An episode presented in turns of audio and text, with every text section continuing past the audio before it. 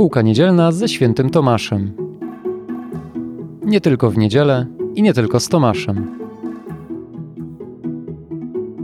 Słuchasz serii Dogmatyka, w której krótko opowiadamy o nauczaniu Kościoła na temat Boga, stworzenia świata, Chrystusa, Maryi, sakramentów i rzeczy ostatecznych. Dzisiaj o stworzeniu pierwszego człowieka, czyli Adama. Zapraszam. Cześć, mam na imię Martyn, a to jest Szkółka Niedzielna, czyli podcast o wierze katolickiej. Dzisiaj zagłębimy się w wątek stworzenia człowieka. W pierwszym rozdziale Księgi Rodzaju, zaraz po opisie stworzenia świata, możemy przeczytać: A wreszcie rzekł Bóg: Uczyńmy człowieka na nasz obraz, podobnego nam. W języku hebrajskim, czyli w języku, w którym została napisana Księga Rodzaju, słowo Adam ma kilka znaczeń i może oznaczać po prostu człowieka, istotę ludzką, rodzaj ludzki albo Adama, czyli pierwszego człowieka. Adam został formowany z ziemi, o czym możemy przeczytać w drugim rozdziale Księgi Rodzaju. Mamy tutaj do czynienia z ciekawą grą słów, której niestety nie zauważamy w języku polskim. Gdybyśmy czytali Biblię w języku hebrajskim, to przeczytamy, że Adam został stworzony z Adamach, czyli prochu ziemi, co wskazuje na związek między pierwszym człowiekiem a ziemią, z której został stworzony. W przeciwieństwie do duszy, która tworzona jest z niczego, czyli ex nihilo, ciało pierwszego człowieka zostało stworzone z już istniejącej materii.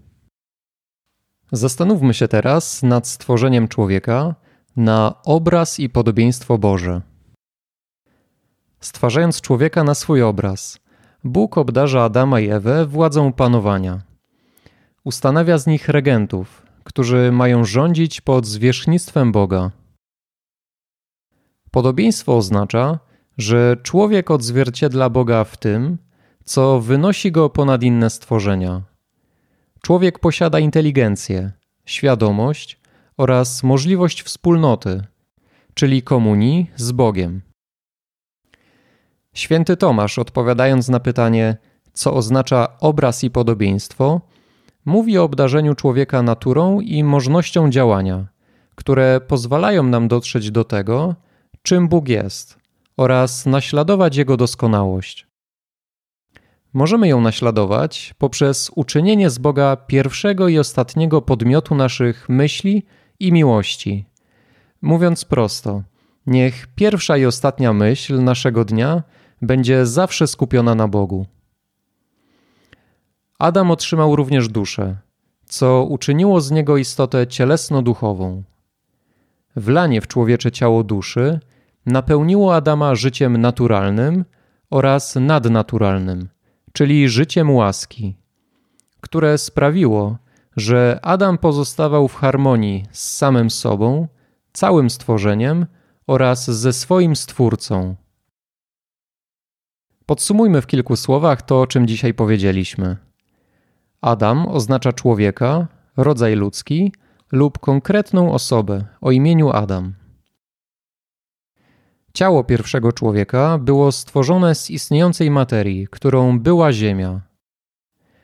Nasza dusza stwarzana jest z niczego, czyli ex nihilo. Obraz i podobieństwo oznaczają inteligencję, świadomość oraz możliwość wspólnoty z Bogiem. Adam pozostawał w harmonii z samym sobą, z całym stworzeniem oraz z Bogiem. Dziękuję za wysłuchanie dzisiejszego odcinka i zachęcam do udostępnienia go w mediach społecznościowych. Na dzisiaj to już wszystko. Cześć.